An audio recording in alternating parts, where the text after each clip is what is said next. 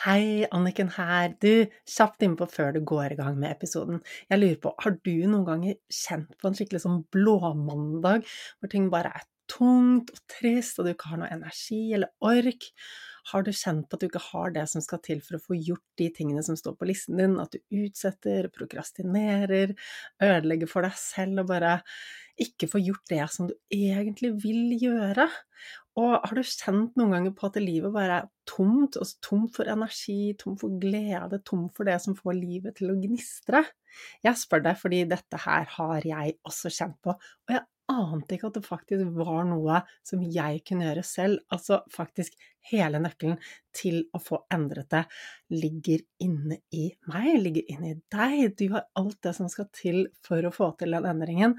Denne kunnskapen finnes ikke ute i samfunnet. Burde vært pensum? Ja, absolutt. Og da jeg lærte det jeg nå kan i mentaltrening, så var det som om bare et stort lys gikk opp for meg, og endelig falt puslespillbrikkene på plass.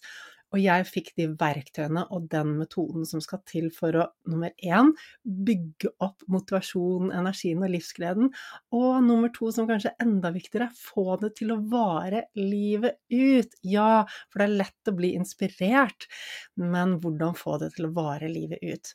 Og alt det her er grunnlaget for at jeg satte meg ned og brukte et helt år av livet mitt på å skrive boken Finn din superkraft, sånn at du også skal få tilgang til de verktøyene.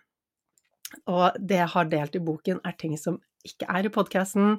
Jeg har ikke delt det på kurset mitt, ikke på sosiale medier. Så det er helt ny kunnskap, nye verktøy og nye lydspor hvis du er en av de som har gått kurs hos meg eller fått noen av lydsporene mine fra før av. I boken får du 16 helt nye lydspor som endrer på tankesettet sitt. Så det jeg skulle fortelle deg om, var at boken nå ligger ute til forhåndssalg. Frem til 1. mai så kan du bestille den på forhåndssalg, og da får du den sendt rett hjem til postkassen din med en gang den er på lager. Og det som er ekstra, ekstra fint med at du bestiller dem på forhåndssalget, og det lærte jeg først nå, siden jeg selvpubliserer og kunne jo ingenting om hva, altså hvordan publiserer man en bok, men nå har jeg skjønt at det, å få solgt mange bøker på forhåndssalget gjør at man lettere kommer inn på boklisten, og den er visst veldig magisk, for når man er der, så er det en stor hjelp. Det gjør at boken får spredd seg til enda flere, enda flere får hørt om det.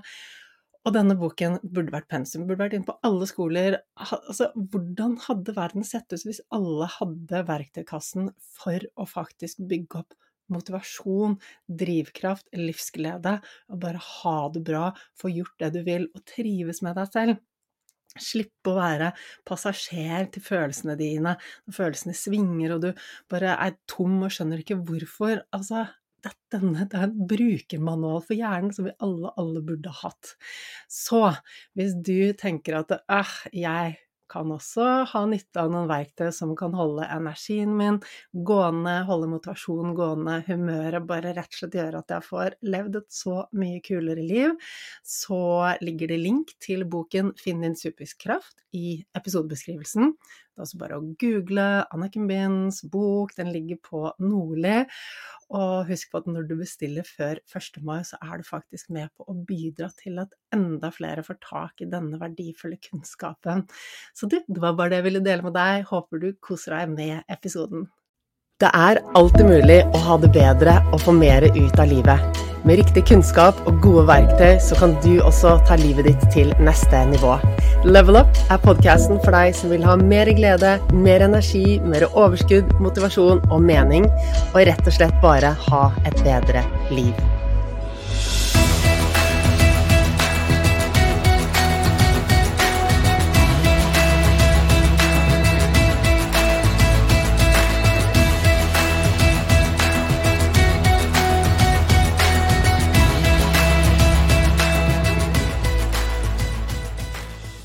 Er veldig mange som kommer til meg og spør hvordan kan jeg overkomme frykten jeg har, hvordan kan jeg bli mindre redd, hvordan kan jeg få til mer, hvordan kan jeg gjøre de tingene jeg drømmer om, hvordan kan jeg hjelpe barnet mitt til å overkomme det som barnet mitt er redd for.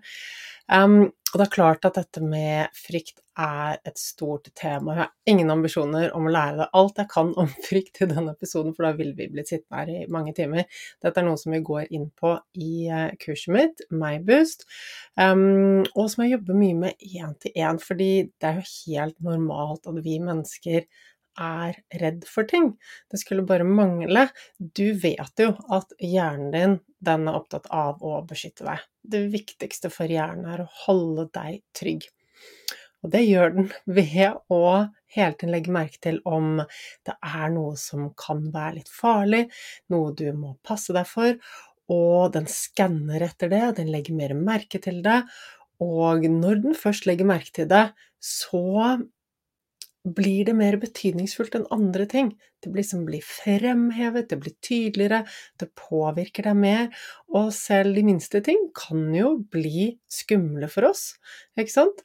Um, og hjernen din, den lærer hele tiden, gjennom hele livet. Spesielt i barneårene, så, barneårene, så tar vi til oss læring om verden.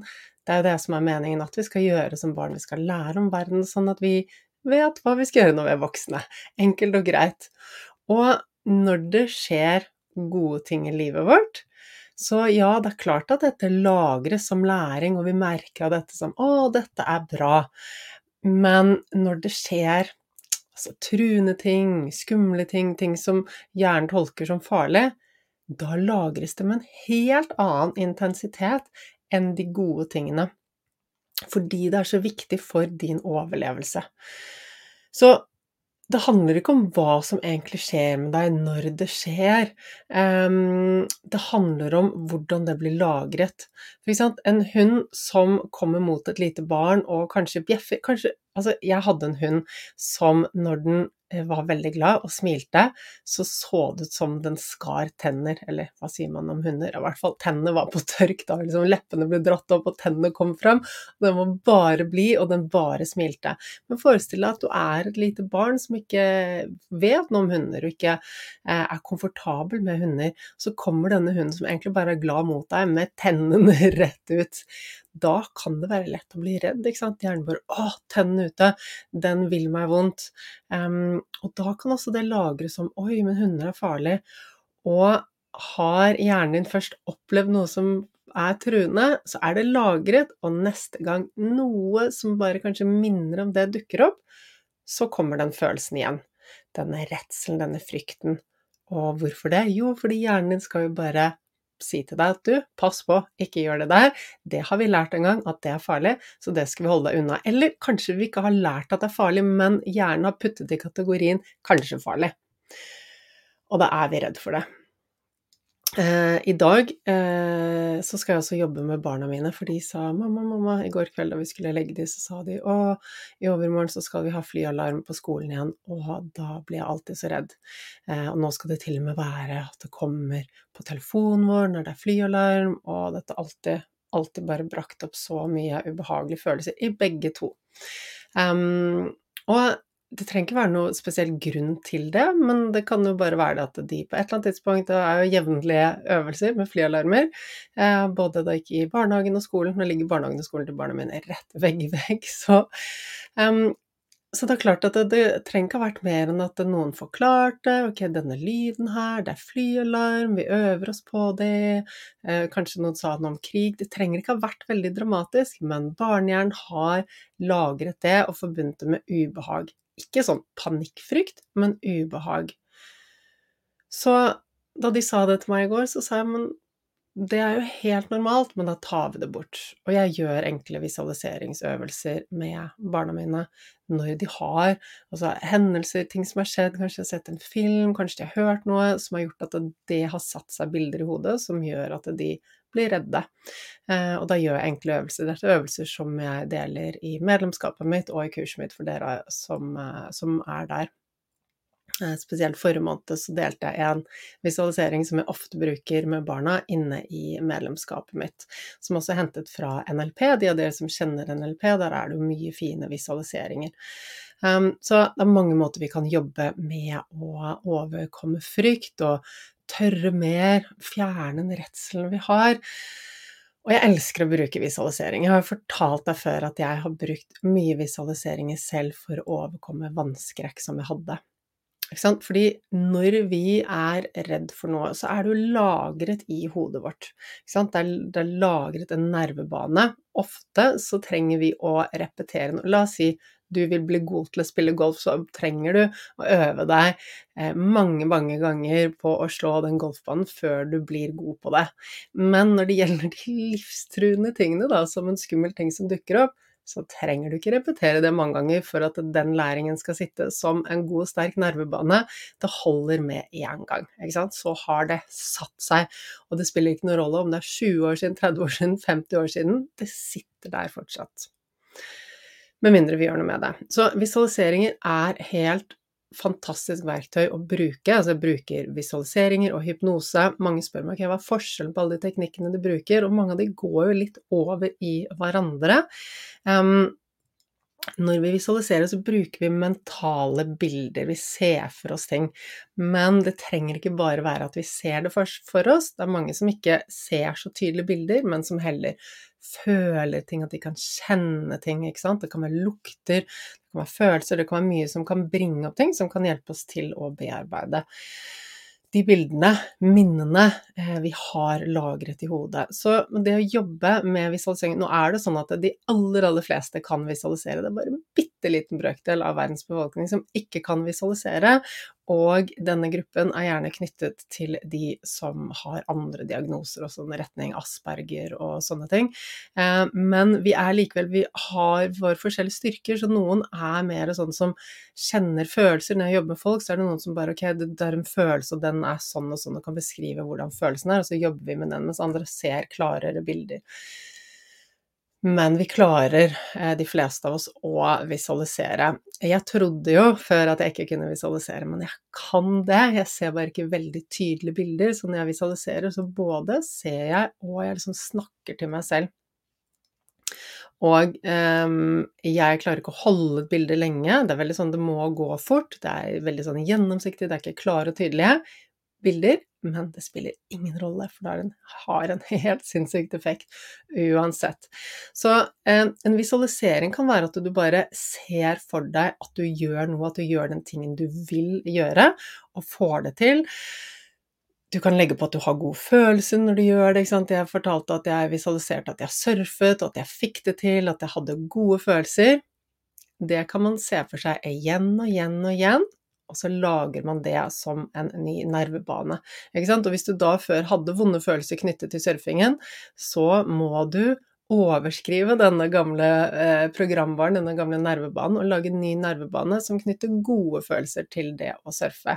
Og det er klart at det tar jo litt lengre tid, eh, og det å skape de gode følelsene og linke det til noe, og overskrive det gamle, vonde, ubehagelige som ligger der. Um, fordi at dette handler om overlevelse. og Hjernen har jo ikke alltid lyst til å gi slipp på det. Skal jeg liksom skal skal, skal jeg, tenke annerledes om en ting som har vært viktig for din overlevelse? Hvis du har en frykt lagret, så er det fordi hjernen tenker at dette er viktig for at du skal overleve, og så kommer du og sier nei, nei, men jeg skal bare tenke godfølelse når jeg gjør dette.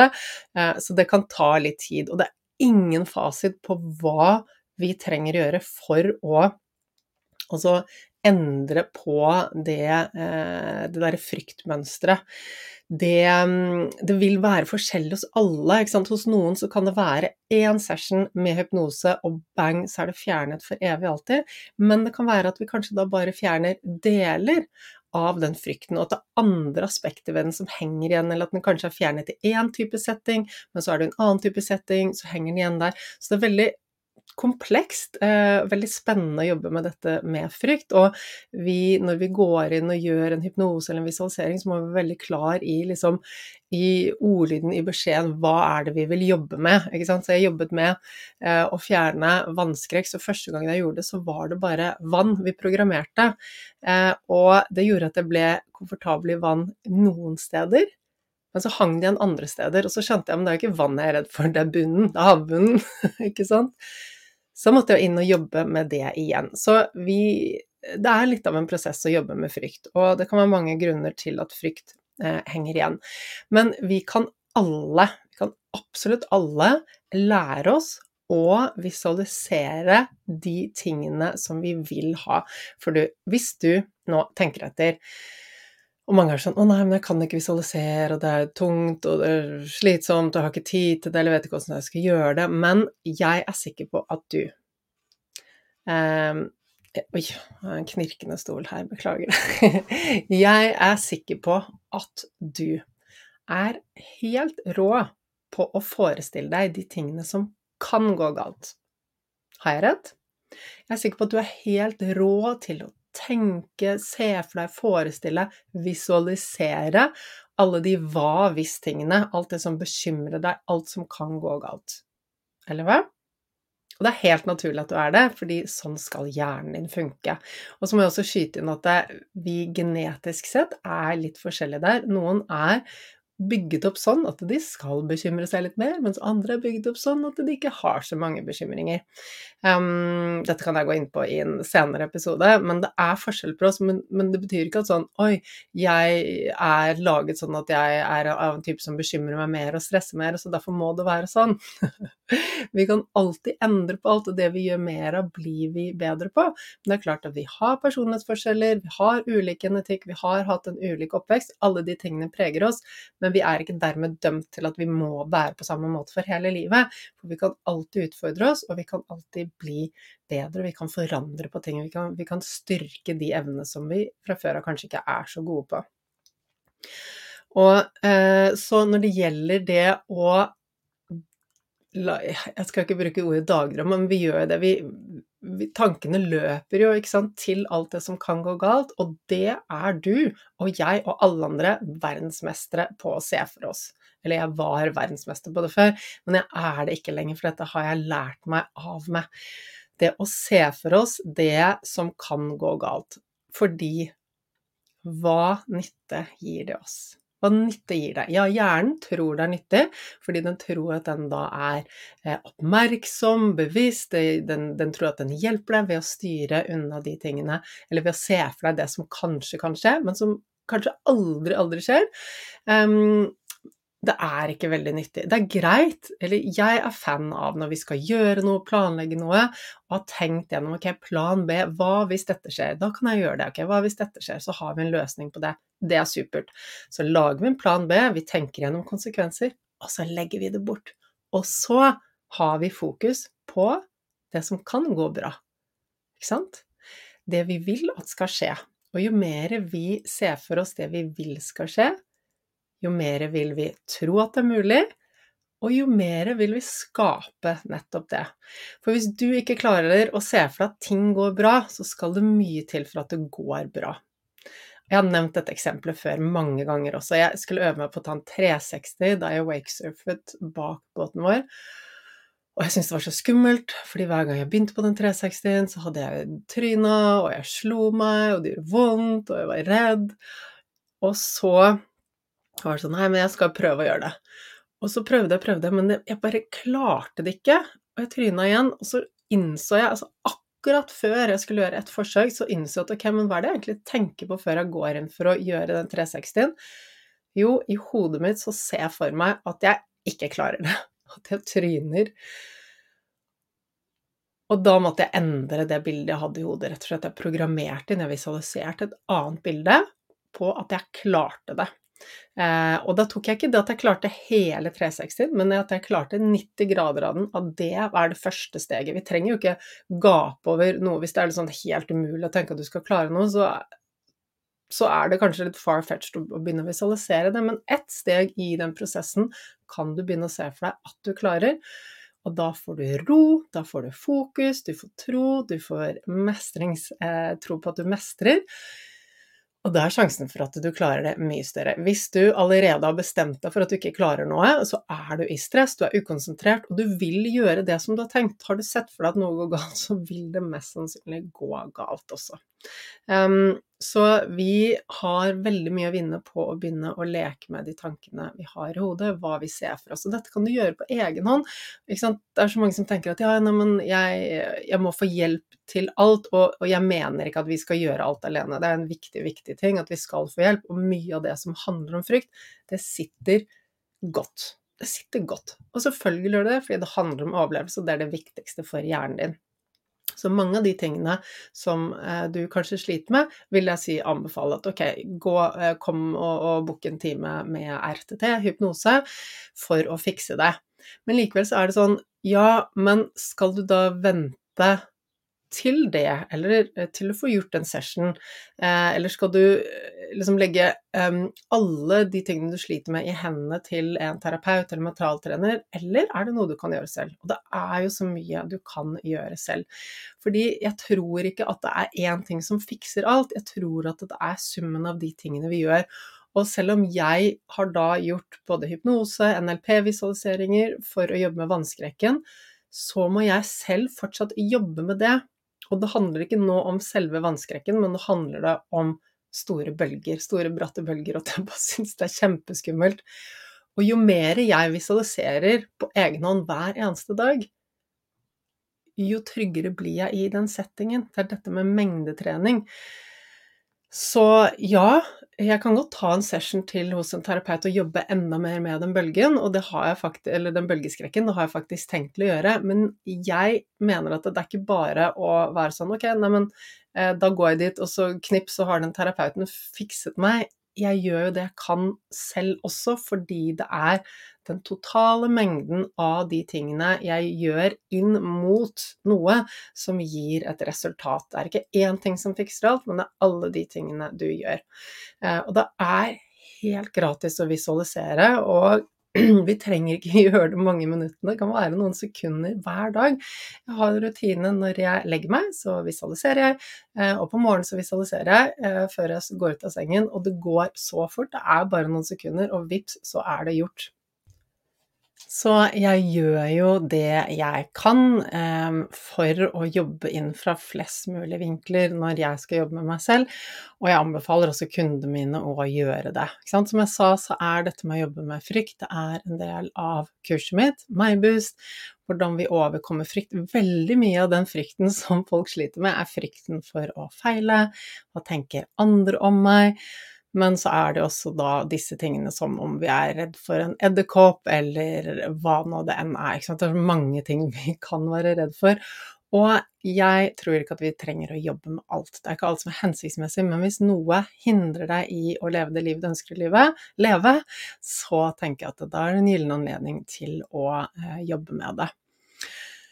Så det er viktig å tenke at, eller huske på det at endring tar tid. Og jeg fikk en så utrolig fin melding fra en som er i medlemskapet, som virkelig har vært med en lang stund og liksom begynt, virkelig begynt å lande disse tingene. Skjønt at ok, all endring skjer ikke over natten, men det er denne repetisjonen over tid som virkelig gir endring.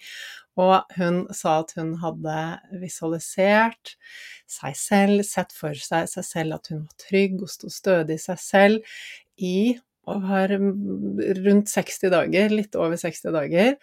Og endelig så hadde hun vært hjemme alene en kveld, og da pleide hun å være veldig eh, nervøs og syntes det var skummelt å være hjemme. Og så plutselig la hun merke til at det nå var ikke den frykten der lenger.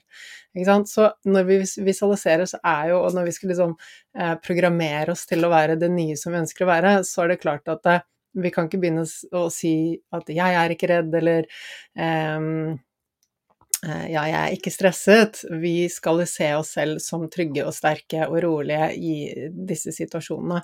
Så det er klart at det, eh, hun hadde da sant, Det som vi ofte gjør, at vi liksom kanskje visualiserer noen dager eller prøver litt, og så Å nei, det gikk ikke. Men her holdt hun på i to måneder, og plutselig så merket hun at oi, nå er det annerledes. Så det er så mye, mye vi kan gjøre selv. Men det er klart, som sagt, alt får vi ikke bukt med selv. Men det er også noe som er veldig viktig å tenke på når det gjelder frykt. Fordi ja, jeg kan gå inn og gjøre visualiseringsøvelser med barna mine, det skal jeg gjøre. Jeg kan gjøre det for deg, du kan komme til meg, du kan bruke lydspor på kurset mitt, i medlemskapet. Det er mye du kan gjøre, ikke sant. Gjøre en visualisering. Det kan endre på så mye. Men vi kan ikke bare sitte hjemme i sofaen og visualisere av oss all frykt. Og hvorfor ikke? Jo, fordi det handler også om å eksponere seg.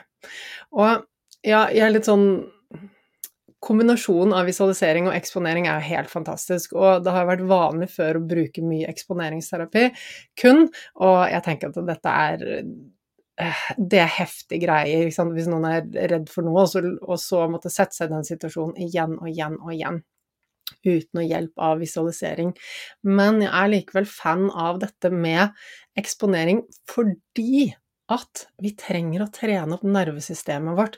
Vi trenger å faktisk være ute i den virkelige verden og gjøre ting. Så ja, vi kan gjøre masse gjennom visualisering og bruke det i kombinasjon, men er vi bare hjemme, så vil nervesystemet vårt bli mindre robust. Ved å utsette oss selv for stress, så blir nervesystemet vårt sterkere. Vi tåler mer. Så jeg vet at jeg snakker mye om stress, at vi må redusere stress, men stress er noe som vi trenger, det er bra for oss, men i passe mengder, ikke sant. Vi må jo også komme ned i ro og hvile, vi kan ikke bare være i stress. Men vi kan ikke bare være i hvile heller. Hva skjer hvis vi bare hviler? Da får vi et nervesystem som ikke tåler særlig. Og det er lett å gå i den fellen kanskje hvis vi kanskje er utmattet, eller hvis vi er mye redd, har mye frykt, og så blir det sånn at jeg skal beskytte meg mot det jeg er eh, redd for. Men vi blir ikke bedre av å beskytte oss. Nå er jo selvfølgelig dette her Det er mange veier inn, og det er mange ting Kanskje liksom Det er mange måter vi kan være redd for ting på. Eh, så det er klart at er du, en, eh, liksom er du der hvor du sliter med angst og sånt, så skal du jobbe med en terapeut med dette. Men nå snakker jeg om liksom generelt når vi fungerer godt i livet, eh, men har et eller annet som, som hindrer oss, så, så, trenger vi ut trenger vi å komme oss ut og erfare at det går bra. Og ikke sant, er vi ikke ute og stresser nervesystemet, så vil det ha lavere og lavere toleranse, og da skal det færre og færre ting med mindre og mindre intensitet til for å stresse oss. Og, um, og så er det sånn at da har vi vært overbelastet med mye stress, så vil vi også tåle mindre, ikke sant. Så da blir jo nervesystemet frynsete. Og jeg husker da jeg fødte eh, min eldste, Um, så var det en fødsel som varte i mange dager. Det var, uh, det var en uh, ganske heftig prosess med igangsettelse, stormrier, stormerier, uh, ledninger på alle kanter. Til slutt var det klipping og sugepropp og ja, mange dager helt utmattet etter den prosessen. Og jeg husker så godt Etter to dager på sykehuset så dro vi hjem, og da vi skulle kjøre hjem, da hadde min kropp fått mye mer belastning enn den egentlig trivdes med. Da vi skulle kjøre hjem, så kjørte mannen min i 30 km i timen, og jeg satt liksom og holdt meg fast og bare Det går altfor fort! Så klart at da hadde mitt nervesystem fått så stor belastning at da tålte det ikke noe særlig. Så det er også én ting å tenke på. Har du stresset masse over tid, så er det ikke sånn at du skal ut og stresse mer med en gang. Du må bygge opp robustheten gjennom å gi kroppen din hvile også. Så det er denne balansen mellom ut, få opp pulsen, sette deg i situasjoner som er skumle, og så hvile, være i ro og trygghet. Og når du er i ro og trygghet og restituerer og har overskudd, så vil også du kunne stole på kroppen din. Kroppen din vil kunne stole på deg, og når du skal da ut og gjøre et eller annet utenfor komfortsonen, så har du overskudd til å face det som du kanskje syns er skummelt. Fordi det er viktig at vi facer det som er skummelt. Jeg, da jeg drev eh, med basehopping, for eh, begynner å bli en god del år siden nå, så er det klart at jeg gjorde det hele tiden.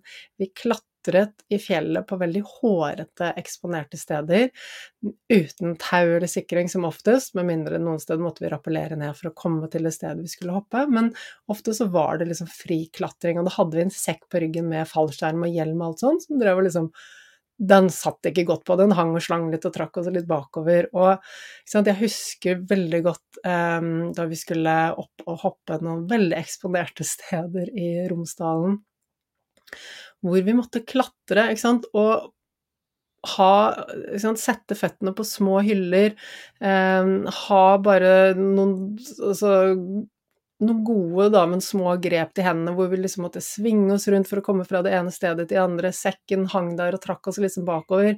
Så jeg var jo redd, det skal man jo være, men jeg var ikke i panikk, jeg hadde full kontroll, jeg var rolig, jeg var kalkulert, jeg visste at det gikk bra.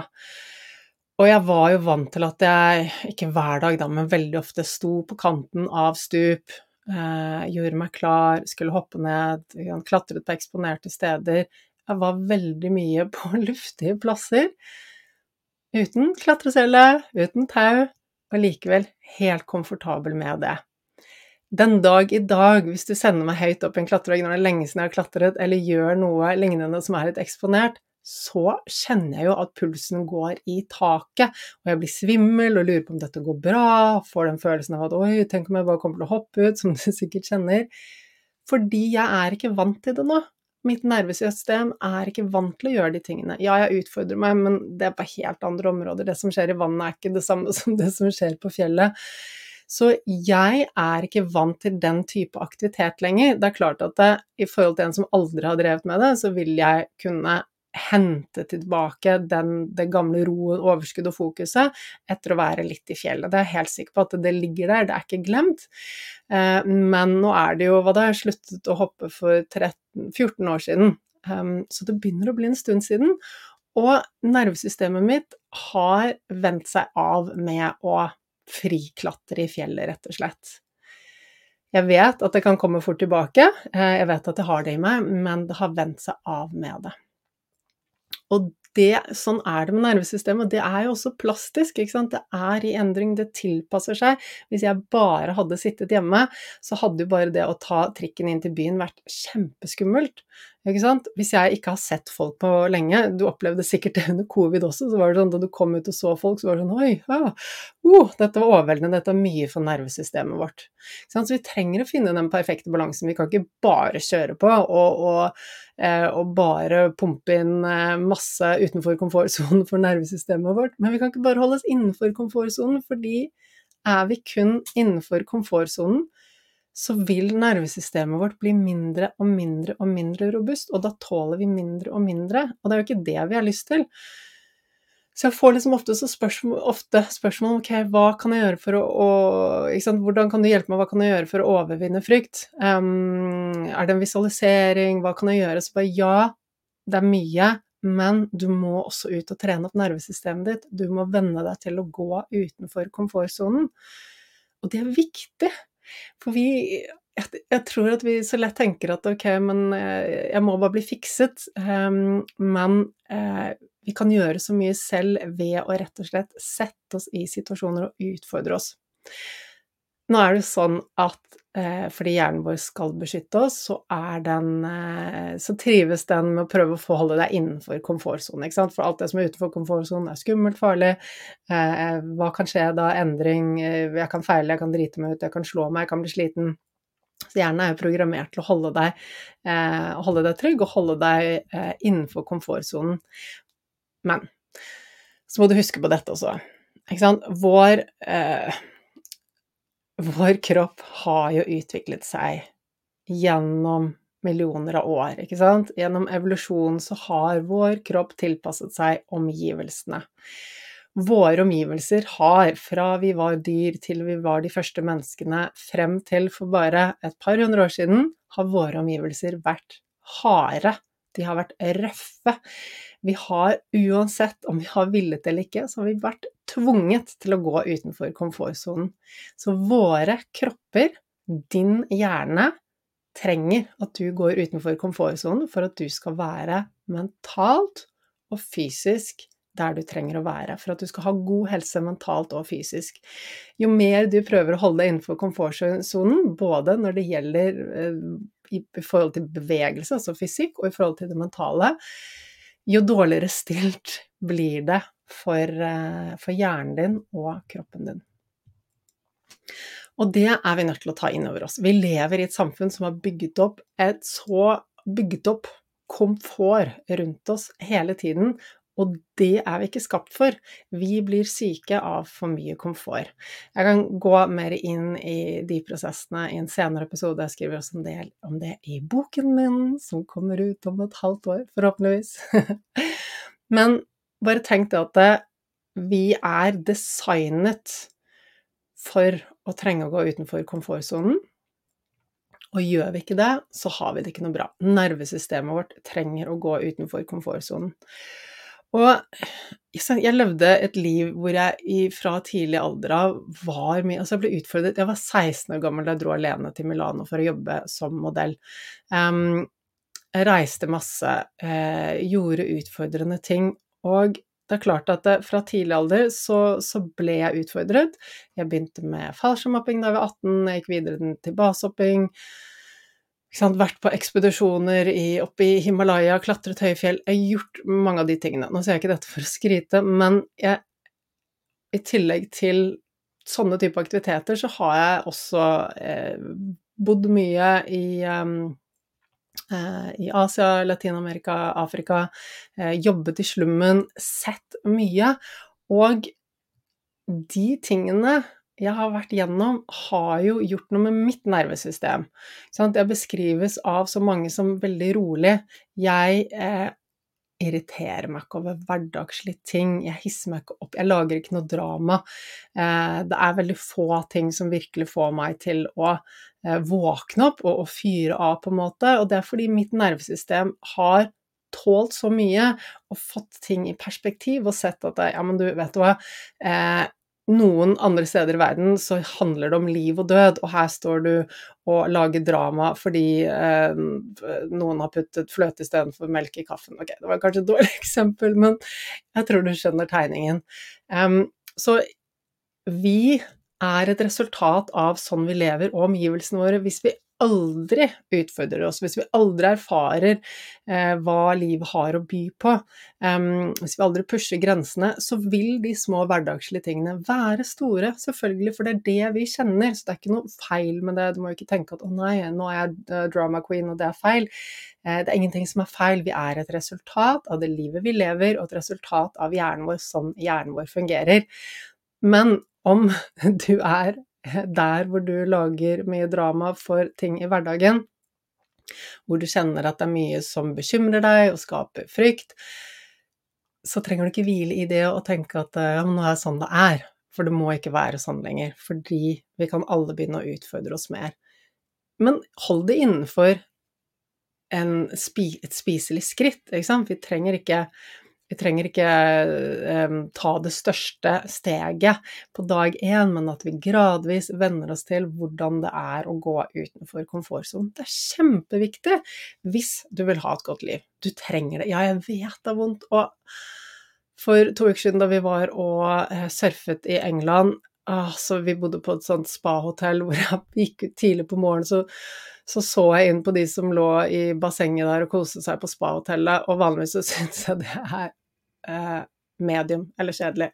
Jeg er ikke en person som syns det er veldig gøy på spahotell, men akkurat der og da var jeg sånn åh, kunne jeg bare lagt meg i bassenget der og slappet av istedenfor å måtte gå og surfe, fordi det er så skummelt. Men så vet jeg også at ja, jeg setter meg selv i de situasjonene fordi det er det som holder meg i live. Uten å utfordre meg, så kommer ikke jeg til å ha noe godt med meg selv. Og det samme gjelder deg. Det betyr ikke at du må ut å surfe eller hoppe fra et fjell, dette er jo helt ekstreme tilfeller for deg sikkert, men vi har alle ulik genetikk. Jeg har en genetikk som bare programmerer meg til å dra ut på eventyr, til å elske endring og til å elske utfordring. Uansett hva slags genetikk du har, så har du uansett et behov for utfordring, for å komme deg utenfor komfortsonen. Finn ut hva det er, hvor går din grense, og så begynn å leke deg med å gå litt utenfor. Det kan være et halvt skritt. Det trenger ikke være noe stort i det hele tatt, men hver gang du går utenfor din komfortsone, så blir ditt nervesystem mer robust, og du tåler mer. Og så er det sånn at noen av de eh, tingene vi er redd for, de tar mye plass i hodet vårt. Hva skjer når vi legger vi velger jo hva vi vil fokusere på. Ja, det er et resultat av eh, vanene våre, det som er lagret i underbevisstheten vår, som er et resultat av læring vi har vært gjennom i livet, men du har likevel et valg om hva du skal la fokusen din vandre på. Ja, det vil kanskje automatisk vandre til det du bekymrer deg for, og så kan du velge om det skal fortsette å være der eller ikke. Og du trenger å ta et valg om du skal la din tid og fokus og energi handle om det som ligger i fremtiden, som kanskje ikke kommer til å skje i det hele tatt. Det meste av det du frykter, det skjer aldri, men det er noe du går og tenker på. Og du trenger å ta et valg og bestemme deg for om det er sånn du vil bruke tiden, energien og fokuset ditt. Og når jeg sier dette, så er det ikke sånn at jeg legger alt ansvar på dine skuldre, fiks deg selv og bare uh, vift bort angst eller frykt. Nei, jeg mener ikke det, men fordi mye av dette her, så trenger vi også hjelp til. Absolutt. Men veldig mye får vi gjort på egen hånd ved å bare bli bevisst. Ok, hvor er det tankene mine vandrer? Det vandrer til noe i fremtiden som kanskje aldri kommer til å skje. Og om det skjer eller ikke, så er det gjerne frykten for noe som er verre enn når det skjer. Frykten for å gå på trynet er verre enn å faktisk gå på trynet.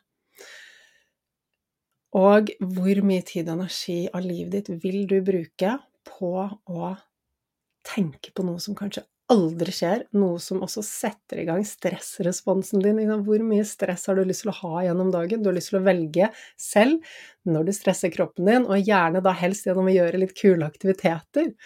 Um, ikke bare fordi tankene dine kverner, du vil velge selv når du påfører kroppen din stress, og du vil velge selv når kroppen din skal være i hvile.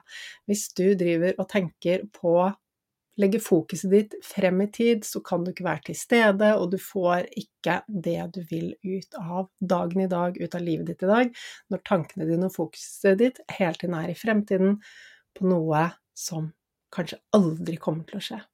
Det er kun skapt i ditt hode. Du dagdrømmer, du visualiserer, men du visualiserer et negativt utfall. Og da tenker jeg at da kan vi begynne å øve oss på å visualisere et mye bedre utfall. Det utfallet som vi ønsker. Eller hva? Er du ikke enig? Eh, og nå snakker jeg ikke til deg som lider, som har masse angst. Dette er, det, det er en annen story. ok? Nå snakker jeg til deg som bruker mye av hverdagen din på å bekymre deg for alt mulig rart. Eh, og som kan lære at eh, det her bidrar ikke livet ditt. Og når du begynner å dagdrømme om de tingene som du faktisk vil, så kommer du til å se at det skjer en endring i livet ditt, at ting kommer til å endre seg. Og det er klart at ja, vi kan bestemme oss for å begynne å se for oss og dagdrømme mer om disse tingene, og så må vi også ut og erfare, vi må ut og teste, vi må ut og prøve. Vi kan ikke bare sitte hjemme og visualisere. Ja, visualisering er fantastisk, men vi kan ikke bare sitte hjemme og visualisere, ok? Vi må ut og trene opp nervesystemet. Og i noen tilfeller eh, Det er ikke alltid det er eh, det beste eller det riktige å gjøre, men eh, når vi kan sette oss selv i situasjoner som er verre enn det vi frykter, så blir vi vant til det og lærer at det går bra, jeg overlever det. Når vi da går tilbake til det som vi kanskje fryktet, så er kanskje ikke det så skummelt lenger. Ikke sant? Um, og for å ta et eksempel. Da jeg uh, skulle surfe Eh, for noen uker siden. Så den første bølgen jeg skulle ut og surfe, den var eh, en veldig sånn rask og bratt bølge. Veldig lenge siden jeg hadde surfet. Eh, hånden min funket ikke i det hele tatt, det gjorde vondt. um, og jeg bare kjente at det var så mye som bare skapte så mye stress, og det var skummelt. Det var bare wow! Um, så det å sette meg den, den, i den situasjonen, det bare Det fyrte av på alt, ikke sant. Det var livredd i en time da jeg surfet eh, den bølgen. Og så, og så hadde jeg jo mye problemer med armen, så jeg booket om, um, booket om hvilken type bølge jeg skulle surfe, til en som var litt, litt uh, saktere og litt rundere, ikke like bratt. Og etter at jeg da hadde vært på den bratte, raske bølgen, og så gikk til den uh, mindre bratte bølgen, så var det sånn Åh, dette er lett! Dette er bare kos! Og satt jeg bare og smilte. Og det var fordi jeg hadde utfordret nervesystemet mitt og gjort noe som var skumlere, og sett at det gikk bra. Og når jeg da gjorde noe som var eh, mindre overveldende, så var jo Da hadde nervesystemet mitt blitt trent opp til dette raske, bratte, og da var alt annet bare helt komfortabelt. Da var det bare lave skuldre, rolig nervesystem, fokus og smil. Da var jeg ikke redd lenger. Og dette kan du ta med deg. Det er ikke sikkert det alltid er praktisk, og noen ganger så kan vi også bruke visualisering for å oppnå dette, men det å Ok, du er livredd for en ting. Um, kanskje du er redd for å holde foredrag, da, Men ja, hva med å sette deg Kanskje du La oss si du har vært redd for å presentere på jobben foran de ti andre på teamet ditt. Hva om du setter deg i situasjonen hvor du skal holde foredrag for hele bedriften? Ikke sant? Ah, det høres jo skummelt ut. Ja, jeg vet, men jeg vet også at du kan få det til. Eh, og jeg har masse fine teknikker som kan hjelpe deg til dette. Det er jo noe vi også jobber med i kurset mitt Mindboost. Men um, uh, grunnen til at vi som oftest er redd for det, er jo fordi vi er redd for hva andre tenker om oss, ikke sant? Så, så her har vi mye å jobbe med i forhold til å uh, gi slipp på hvordan andre vurderer oss, at, at, vi legger At det blir viktigere enn vår egen vurdering av oss selv, ikke sant. Vi gjør det ikke for andre, vi gjør det for oss selv. Um, så, um, så, vi får ikke gått inn i, i, i, hvordan overkomme frykten for å feile her og nå, uh, men du kan jo også bare begynne å tenke på det, for noen ganger så handler det om å bare presse seg til å gjøre det. Jeg var jeg turte jo ikke å rekke opp hånden på skolen før. Jeg klarte ikke å snakke i forsamlinger. Jeg rødmet. Eh, det var liksom så mye som var vondt med det. Men så begynte jeg også å øve meg på å holde foredrag. Um, jeg holdt en del foredrag i forbindelse med den tiden hvor jeg eh, jobbet som basehopper. Og selv om jeg var redd, så satte jeg meg i den situasjonen fordi jeg visste at det var bra for meg å utfordre meg, og kjente etter hvert at jeg kunne mestre det, ikke sant. Og når du da har satt deg selv i den situasjonen og erfart at det går bra, eller kanskje du syns at det, eh, at det var tøft og slitsomt, kanskje du rødmer til og med, men hva så? Du har overlevd, du står fortsatt på bena, du har det fortsatt bra. Så jo flere ganger du gjør noe, jo lettere kommer det til å bli. Og det her vil jeg virkelig at du tar med deg. Ja, vi har mange måter igjen for å jobbe med frykt. Jeg kan hjelpe deg med mye. Det er masse hjelp i kurset mitt, og kollegaene mine også. Um, ikke sant? Um, gjennom hypnose kan vi fjerne så så mye av det som sitter dypt. Men det er summen av det du gjør selv. Og nervesystemet vårt, det vil tilpasse seg omgivelsene. Har vi hatt et år hvor vi har sittet hjemme sånn som under covid, så blir bare det å dra inn til byen, det blir overveldende, ikke sant. Så vil vi ha et nervesystem som er sunt og friskt og i balanse, så handler det om at vi utsetter oss for stress, og hviler, sånn at vi har overskudd. Ofte så henger, um, henger, dette med angst sammen med at vi faktisk har pushet nervesystemet vårt for lenge over tid. Når vi rett og slett nærmer oss å bli utbrente, så kan dette med angst være et resultat av at nervesystemet bare er overbelastet, og at det begynner bare å um, Alarmen går på selv de små tingene fordi nervesystemet er frynsete. Akkurat det samme som når vi ikke trener opp nervesystemet vårt, så blir det mindre og mindre robust, og da vil selv de minste ting kunne utløse den alarmen og den frykten. Så her har jeg delt mine eksempler eh, fra surfing og basehopping. Det er sikkert helt fjernt fra din verden, men legg nå bort det og ta med deg disse verktøyene og tenk hvordan kan jeg jobbe med dette i mitt liv? Hvordan kan jeg visualisere, se for meg at jeg er den jeg vil være, hvordan kan jeg dagdrømme mer om at ting går bra, hvordan kan jeg begynne å utfordre meg og sette meg i situasjoner hvor jeg får trent opp nervesystemet, stresset det litt, uh, en tøff treningsøkt, bare kanskje det å dra inn til byen og sette seg på en kafé med masse mennesker rundt deg, hvis du ikke er så vant til mennesker rundt deg, ikke sant, det å dra på en eller annen firmafest, holde et foredrag, det er så mange måter vi kan utfordre oss selv på.